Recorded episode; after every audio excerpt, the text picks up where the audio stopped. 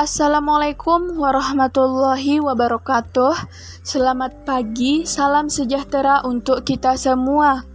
Baiklah, saya Ummi Khairah dengan NIM 4132101049 dari kelas LPI 1B pagi akan membuat tugas kewarganegaraan yaitu tugas podcast mengenai contoh-contoh studi kasus yang menggambarkan benturan nilai hukum yang sering terjadi di masyarakat Indonesia. Baiklah, langsung saja. Contoh studi kasus yang pertama yaitu seorang nenek yang mencuri tiga buah kakao dihukum satu bulan 15 hari penjara dengan masa percobaan tiga bulan. Dia dinyatakan bersalah karena memetik tiga buah kakao di perkebunan milik PT Rumpun Sari Antan RSA Aji Barang Bayumas. Selama persidangan dengan agenda putusan berlangsung penuh keharuan Bahkan, Ketua Majelis Hakim Muslih Bambang Lukmono SH terlihat menangis saat membacakan vonis. Contoh studi kasus yang kedua yaitu pencurian semangka. Kisah lebih pilu dialami Basar Suyanto dan Khalil.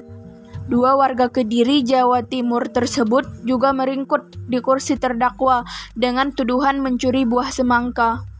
Basar dan Khalil akhirnya difonis hukuman percobaan 15 hari pada tahun 2009. Namun, sebelum difonis, sebelum vonis itu jatuh, Basar dan Khalil sudah ditahan dua bulan lebih dan mendapat siksaan saat diperiksa penyidik. Majelis hukum yang dipimpin Roro Budiarti kala itu memutuskan keduanya terbukti melanggar pasal 363 ayat 1 Kitab Undang-Undang hukum pidana atau KUHP, yakni pencurian yang memberatkan.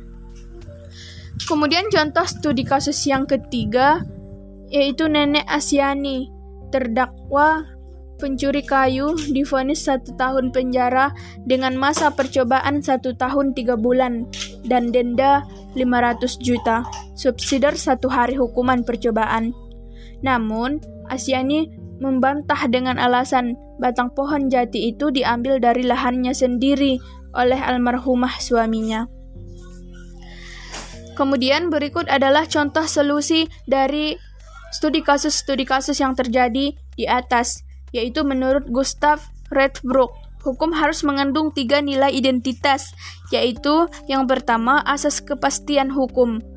Asas ini meninjau dari sudut yuridis, secara normatif adalah ketika suatu peraturan perundang-undangan dibuat dan diundangkan secara pasti.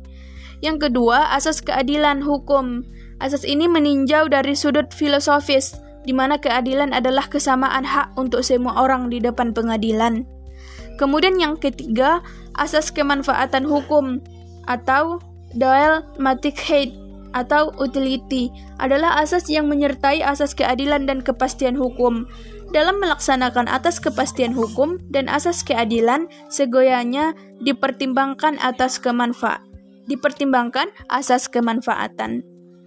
Baiklah, itulah pembahasan di podcast. Itu saja pembahasan podcast saya kali ini contoh dari contoh studi kasus dan solusinya. Semoga dapat dimengerti dan terima kasih sudah mendengarkan. Assalamualaikum warahmatullahi wabarakatuh.